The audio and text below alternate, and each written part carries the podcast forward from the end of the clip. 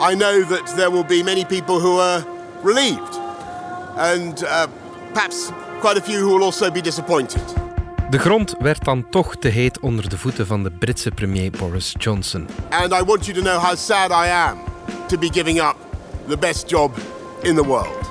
But them's the breaks. Dagenlang weigerde hij op te stappen, maar de immense druk van zijn eigen partij was niet meer te houden. Above all, I want to thank you, the British public, for the immense privilege that you have given me.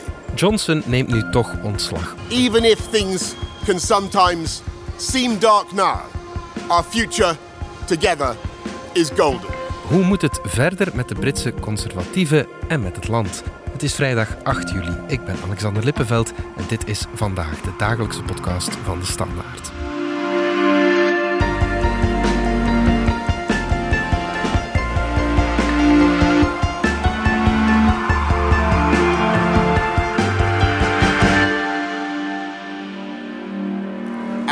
Want you to know that from now on until the new Prime Minister is in place, your interests will be served and the government of the country will be carried on. Dominic Minten van onze buitenlandredactie. Boris Johnson neemt nu toch ontslag. Ben je verrast? Uh, nee. Nee, oké, vertel. Eigenlijk dacht ik al toen uh, de twee topministers dinsdag hun ontslag aanboden. Mm -hmm. uh, Rishi Sunak, uh, de minister van Financiën, en Sajid Javid mm -hmm. van, van Volksgezondheid. Toen dacht ik, dit is ernstig. Omdat het twee echt topministers zijn, zwaargewichten binnen Ja, die partij. ja. Sunak, altijd al- algemeen wordt beschouwd als de, de, de minister van Financiën in Engeland, is de nummer twee in de regering. Ja, dus dus ja, de ja. tweede belangrijkste minister. Ja. Hij was en ook- volksgezondheid Vo- is Volksgezondheid is, ook, is nu ook belangrijk. En Javid was al eens minister van Financiën geweest, ook Mhm, onder Johnson.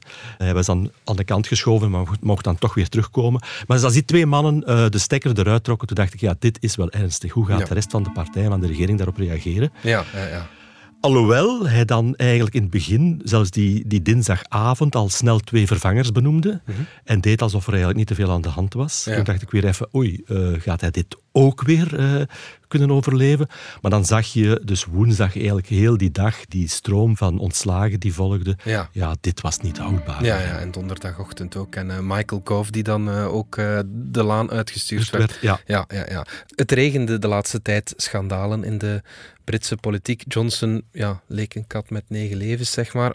Wat was de laatste druppel die hem nu de das Wel, ontdeed? ja, de laatste druppel was eigenlijk een beetje verrassend. Dus Partygate had hij overleefd. Daar was een vertrouwensstemming over geweest binnen de partij. Die heeft hij gewonnen, alhoewel het nipt was. En toen ook al zag je, dat was in, in juni, en toen ook al zag je van ja, die overwinning was maar redelijk nipt. Eh, 40% wilde hem toen al weg. Dat was eigenlijk al een, een aankondiging van dit gaat hij heel moeilijk kunnen rechttrekken. Ja, ja. Maar dan kwam er dat schandaal eh, met Chris Pincher. Ik had er ook van hem nog, eigenlijk nog nooit gehoord. Maar hij was aangesteld door Johnson als een soort van fractiemanager in het lagerhuis. Om, Ja. om de, de conservatieve fractie wat min of meer wat eh, in goede Een soort baan- van fractie voor, voorzitter. Zover Ja. was hij was Ja. maar assistant. Maar enfin, in Engeland zijn dat wel belangrijke functies. Ja. Maar wat bleek dat die man eigenlijk werd dan beschuldigd door twee andere mannen dat hij hen in dronken toestand onzedelijk had betast. Ja. Dat schandaal brak vorige week uit. Dat leek ja, al, alweer een schandaal. Maar Mhm. het werd erger toen duidelijk werd dat Johnson eigenlijk op de hoogte was van feiten. Het was niet de eerste keer dat Pincher dat had gedaan. Ja, ja, ja. En Boris, was, Boris Johnson was op de hoogte daarvan en had hem ondanks dat toch aangesteld in die toch redelijk Ja. belangrijke functie.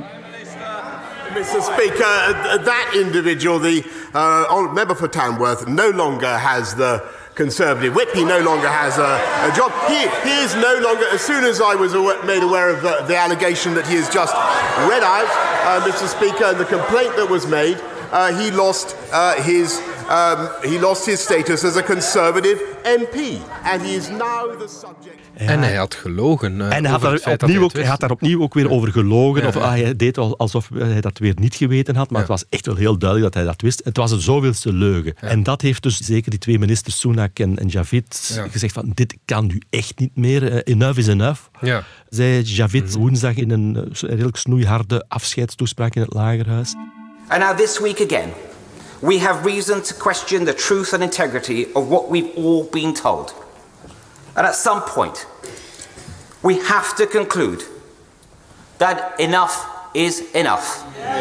I believe that point is now. But I do fear that the reset button can only work so many times. There's only so many times you can turn that machine on and off before you realize that something is fundamentally wrong. En ja, ook bij de rest van zijn regering begon het toch echt wel te dagen van dit kunnen we echt niet meer blijven, Ja, blijven ja, ja. tolereren.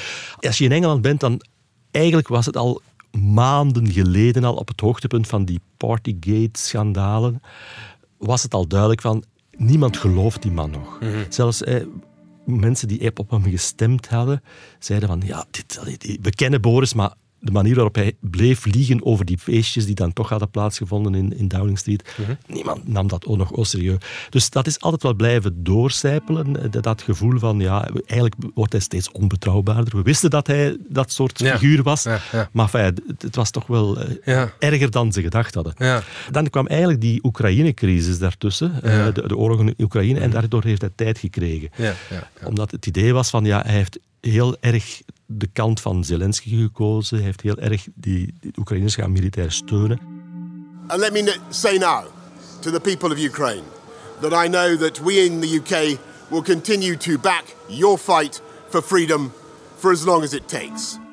En het idee van, ja, er is een oorlog in Europa. Ja. Hij is zelfs dichter bij de EU komen te staan. Staan, ja, op dat eh, moment ja, kwam ja, hij, was er eigenlijk terug een, een, een toenadering tot de EU. Samen moeten we toch eh, blok vormen tegen, samen ook met de VS dan, moeten we blok vormen tegen, tegen Rusland. Dat deed hij ook wel niet slecht. Dus op dat vlak eh, kreeg hij terug weer wat, eh, Ja. wat respect. Ja. Ik denk ook dat voor hem, ja, hij heeft zich altijd vergeleken met Winston Churchill. Ja, ja, hij heeft er zelfs een eh, biografie over geschreven. Absoluut, ooit, ja, ja, ja. Dus dat zijn allemaal dingen die spelen. Maar ik zeg het, die schandalen die maar bleven komen, dat heeft hem dan tot uiteindelijk toch ik het. Wel opvallend vinden dat net dit de druppel is? Want als ik heel eerlijk ben, die Partygate, dat lijkt mij een veel groter schandaal. Ja, tuurlijk was dat een veel groter schandaal. Ja, Ja, ja. dat- dat- daarom blijft het zo vreemd dat hij nu over dit schandaal is gestruikeld. Ja. Maar ik zeg het, het is een opbouw van factoren geweest. het was maar een, Het was ja, een druppel. relatief klein druppeltje dat er moest bij bijvallen. bevallen, dan, ja, ja, ja, ja. En eerlijk gezegd was ik toch ook wel een beetje verbaasd aan dat dan plots eh, die twee topministers hun ontslag aanboden. Ja. Dat had eigenlijk niemand echt zien aankomen. Dus Hmm, eh, dat is redelijk snel gekomen. Plots hebben ze dan toch gezegd van nu is het genoeg. Ja. Ja, zo, zo loopt het in de politiek eh, soms ook. Ja, hè. Ja, zijn onverwachte dingen die dan toch gebeuren. Ja. eh, En dan- zelfs een, eh, wat zei ik in de intro, een kat met negen levens als Johnson Ja. eh, kan daar niet altijd aan weerstaan. Ja.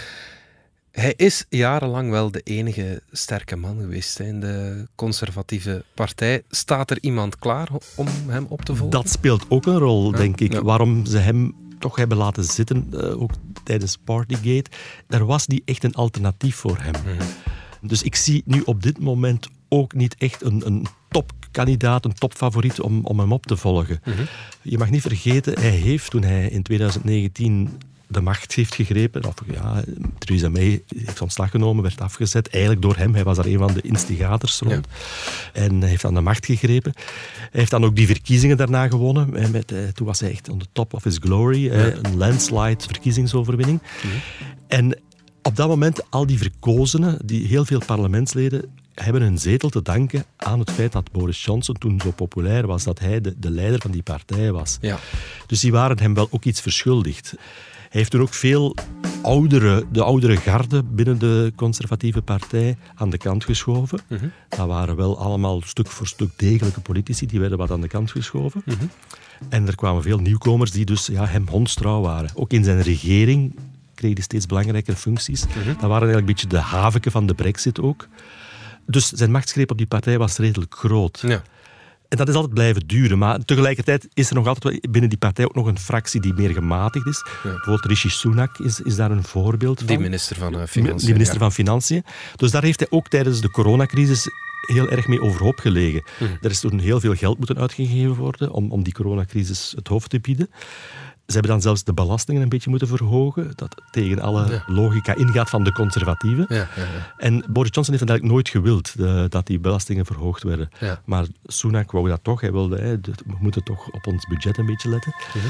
Eigenlijk kreeg je de indruk dat hij blij was dat Sunak na nu twee dagen geleden ontslag nam, of drie dagen geleden deze week ontslag nam. Maar wat je nu wel voelt, is dat ja, Sunak en ook Javid, Ja. de twee die dus eigenlijk de opstand hebben geleid, die tot deze val hebben geleid, die hebben nu wel misschien wel terug goede papieren binnen die partij. Om Ja. te ze- eh, zij, zij komen daaruit als een soort van witte ridders die dan die partij misschien terug op het betere, op het normalere pad willen Want willen zij brengen. hebben de stap aangedurfd. Zij hebben om, het eh, aangedurfd ja, om het op te nemen tegen hun, hun premier. Ja.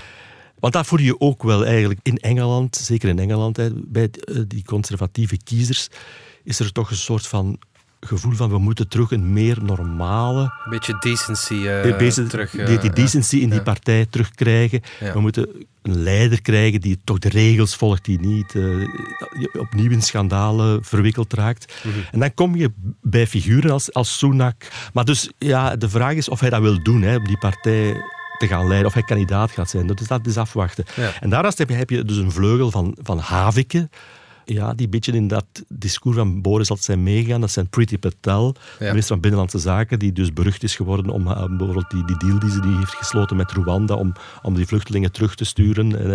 Eh, Ja. Dat is een, een harde tand. Terug te sturen, zeg je, maar eh, gewoon elke vluchteling van ter wereld ja, moet naar Rwanda. naar Rwanda te sturen. Hè. Dus dat is een harde tante. Liz Truss, de minister van Buitenlandse Zaken, Ja. Die heeft al een paar keer promotie gekregen in deze regering. Ja. Dat is ook zo'n beetje een, een Havik-figuur. Voor wie de waarheid ook allemaal niet zo, er niet toe doet. Mm, Eh, ook heel erg freerider, heel erg eh, economisch liberaal. Ja. De, de brexit moet een harde brexit zijn. Dus die twee scholen zitten nu in, in die partij. En de vraag is, hoe gaat dat evolueren? Wie gaat daar de als leider uitkomen? Dus dat is niet evident. We gaan er even uit voor een korte boodschap. Ik ben Marian Justaert en ik hoop dat jij luistert naar deze laatste fijne aflevering van Groot Gelijk van dit seizoen. Hoe kunnen we reizen zonder vroeging? Dat is de vraag die ik deze week voor de voeten werp van mijn debaters.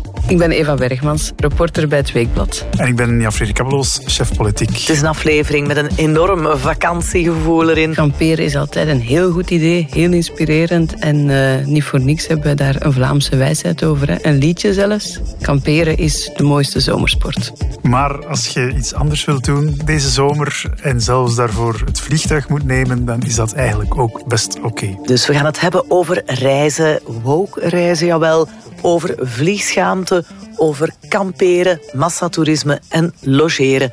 Dus zeker luisteren, doen hè. Dag. Boris Johnson wordt vaak vergeleken met eh, Donald Trump, de oud-president van de VS. Die heeft zijn partij, de Republikeinse partij, volledig naar zijn hand kunnen zetten. Is dat Johnson ergens ook gelukt? Of, eh, Wel, aanvankelijk was dat het, ja, had je dat gevoel wel, dat Ja, hij ja. heel die partij naar zijn hand heeft kunnen zetten. Maar uiteindelijk, wat er nu gebeurt, geeft toch aan dat er binnen die conservatieve partij in Engeland nog altijd genoeg krachten zijn die een soort van meer fatsoenlijke politiek willen voeren. Die die decency, zoals we net zeiden, in die politiek willen terugbrengen. ja, dat is natuurlijk oer-Engels. Je krijgt dat er niet ja, zomaar nee, uit. het is hè. dat, op dat vlak is Engeland toch nog altijd een ander land dan de Verenigde Staten. Ja, ja, ja. Ik vind ook die vergelijking met, eh, tussen Boris Johnson en, en Donald Trump, die is vaak gemaakt.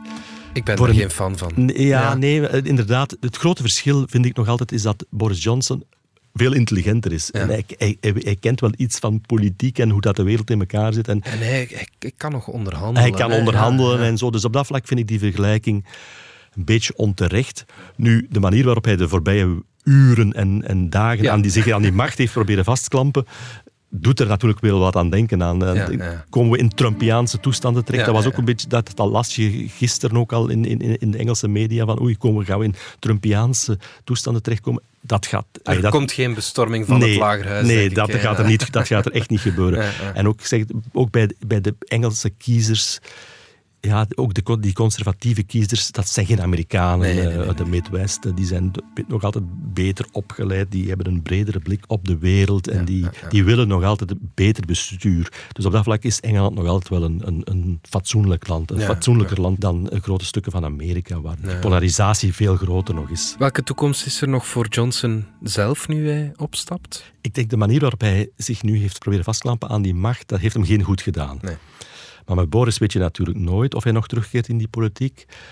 Mijn beste gok is dat hij opnieuw gewoon columns gaat schrijven, zoals hij dat voordien ook gedaan heeft voor de, de Daily Telegraph.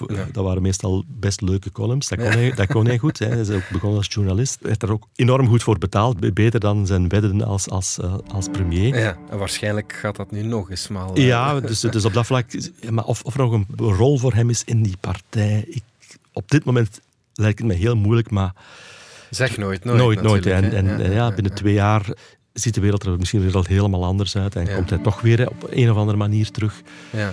Ja. Maar ik denk dat hij op dit moment eerder terug gewoon de pen, eh, de pen ter hand gaat. Ja, ja, Hij wou de geschiedenis vooral ingaan als ja, een grote man. Je zei het al, eh, een nieuwe Churchill, zeg maar. Hij heeft bijvoorbeeld de Brexit wel gedaan gekregen. Let's get Brexit done, my friends. Wat is zijn erfenis? Ja, die is toch erg mager. Inderdaad, hij, heeft, hij heeft die brexit gedaan gekregen. Want dat is toch ja, je, de geschiedenis van je land in ja, een ja, dus op dat vlak heeft hij, heeft hij die, die, die, zijn land inderdaad in een duidelijke richting gestuurd. Wat ook duidelijk is, die richting ligt nu vast. Zelfs als de Labour terug aan de macht komt, ja. Eh, als er toch nog vervroegde verkiezingen komen dit jaar misschien, eh, en Labour zou de macht kunnen grijpen, ik denk niet dat Labour die, die brexit gaat terugdraaien. Mhm. Eh, hun leider, Keir Starmer, heeft dat eigenlijk afgelopen dagen nog eens gezegd. Ja, die brexit is er nu, we moeten daar mee leren leven. We moeten daar het beste van maken. Hij kan ze misschien nog wel een beetje milder maken, terug beter, meer toenadering zoeken tot de Europese Unie, maar die brexit is er wel. Ja. Het idee dat die brexit het land beter heeft gemaakt, Engeland beter gaat maken, dat is totaal niet uitgekomen. Mhm. Eh, alles, uh, alle cijfers geven aan dat ja, Engeland een zware prijs betaalt voor, voor die brexit. De enige pluim die hij op zijn hoed kan steken is, is dat tijdens het begin van de coronacrisis heeft hij die vaccinatiecampagne, los van de EU, sneller in gang kunnen krijgen. Dus op dat vlak heeft hij tempo kunnen maken. Ja. Toen kon hij zeggen, kijk eens, los van de EU, wij kunnen het beter doen. Mhm. En dat heeft even geduurd. dus dat is terecht, die, die vaccinatiecampagne heeft daar heel goed gelopen. Ja. Maar dat, dat, is natuurlijk ook nu ook weer voorbij. Dat, die pluim, daar blijft ook niet zoveel meer van over. Want je ziet dat die National Health Service, ja. hun gezondheidssysteem, dat kraakt en in al zijn voegen. Er zijn enorme tekorten, enorme wachtlijsten. Ja. Eh, als je daar naar, eh, voor een ernstige ingreep naar de dokter gaat, dan moet je soms een jaar wachten. Ja. Er zijn enorme tekorten in, in, in de ziekenhuizen. Ja. ja, dus ook op dat vlak werkt dat niet, dat, dat land. Ja, dus wat hij ook wou doen, daardoor heeft hij heel veel kiezers gewonnen in het noorden van Engeland. Hij heeft, heeft beloofd van, hè, die brexit komt eraan en dan gaan jullie een beter leven krijgen. Ik ga jullie, leveling up heette dat, hè, dus de kloof tussen arm en rijk verkleinen. Dat is ook een idee dat bij die conservatieven altijd wel wat geleefd heeft, zo dat social compassionate conservatism. Ja die belofte maakt hij, maar dat, ook daar is nog altijd niks van in huis gekomen. natuurlijk, heeft de coronacrisis daar een, een rol gespeeld, heeft hem niet geholpen. Maar, dat wel, maar ja. ja nee, Het, het, is, uh, de gevolgen zijn toch duidelijk van uh, ja, de, gevolgen de negatieve zeker. zeker ja, ja, ja, ja, De Engelsen beseffen dat nu ook wel. Er zijn een paar tussentijdse verkiezingen geweest, er zijn wat lokale verkiezingen geweest recent. Die waren redelijk desastreus voor, mhm. voor de, de conservatieven. Mhm. Dus de Engelsen beseffen dat de beloftes die hij gemaakt heeft, dat hij die niet heeft kunnen nakomen. Nog even over die Brexit. Komt het ons als Europese Unie ergens niet uh, goed uit dat Johnson nu van het toneel verdwijnt? Want hij wou het akkoord het Noord-Ierland-protocol opnieuw onderhandelen. Hè? Ja. Dat lijkt me nu toch van tafel, of niet? Voorlopig wel, denk ik. Ja, Het hangt er dan natuurlijk wel vanaf wie dat de nieuwe partijleider wordt. Als dat bijvoorbeeld Liz Truss wordt, de minister van Buitenlandse Zaken, ja. die staat volledig achter dat idee om heel dat Noord-Ierland-protocol in de vuilbak te gooien. Ja, dus als zij het wordt, dan denk ik niet dat er veel verschil gaat komen. Als het een meer gematigde figuur wordt, denk ik dat er toch opnieuw gaat gesproken worden. Met, dat, dat de scherpe kantjes er dan meer afgeveild gaan worden. Maar je mag niet vergeten, dus in Noord-Ierland zitten nog altijd die protestanten daar.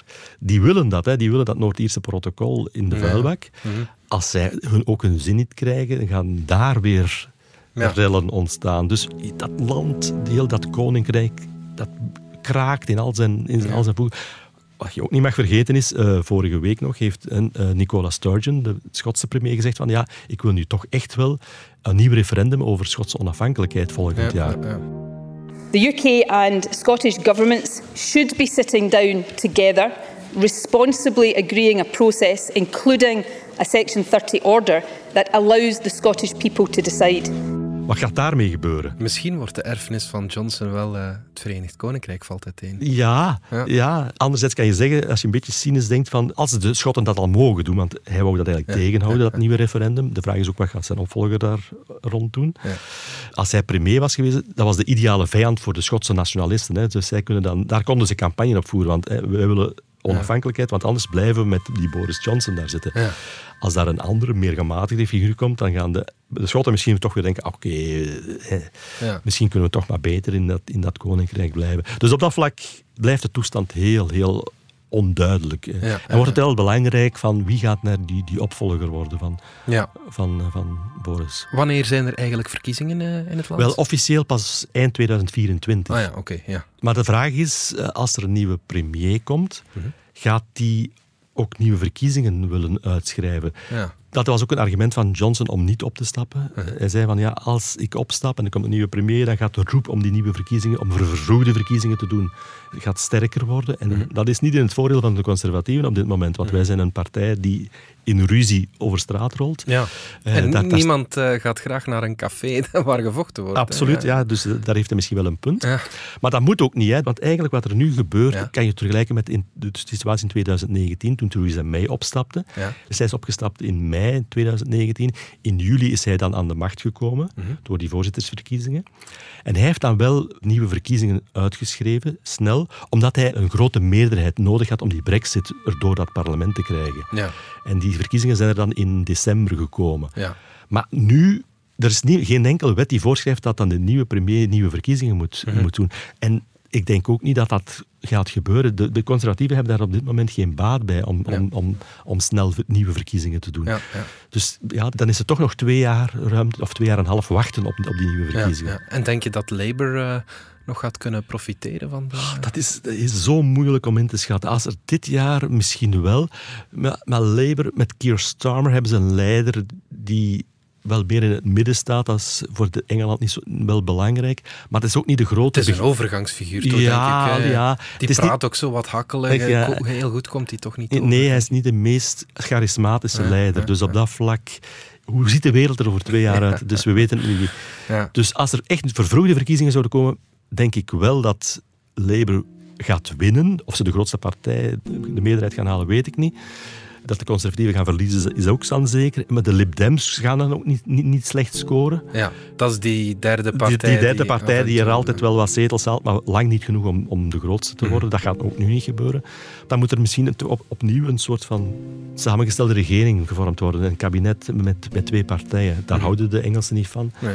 Maar ik zeg het, op dit moment is de beste gok nog altijd dat er geen vervroegde verkiezingen komen en dat we pas ja. in, in uh, eind 2024, naar de, dat de Engelsen dan pas naar de stembus moeten. Ja, kijk, en dan krijgt uh, de Queen alsnog een nieuwe premier op. Uh... Ja, inderdaad. Zij gaat wel een nieuwe premier krijgen. dat gaat ze nou wel meemaken. Ondertussen de 700.000. Ik, ik, ben, ik ben de tel kwijt. Oké, goed. Dominic Minten, dankjewel. Graag gedaan. Dit was vandaag de dagelijkse podcast van de Standaard. Bedankt voor het luisteren. Volg ons op Spotify, Apple Podcast of eender welk ander podcastplatform. In onze gratis podcast-app DS Podcast kan je niet alleen de podcasts van de Standaard beluisteren, maar ook de beste podcasttips voor op vakantie of ergens onderweg, met zorg geselecteerd door onze redacteur Max de Moor. Alle credits van de podcast die je net hoorde vind je op standaard.be-podcast. Reageren kan via podcast.standaard.be. Maandag zijn we opnieuw.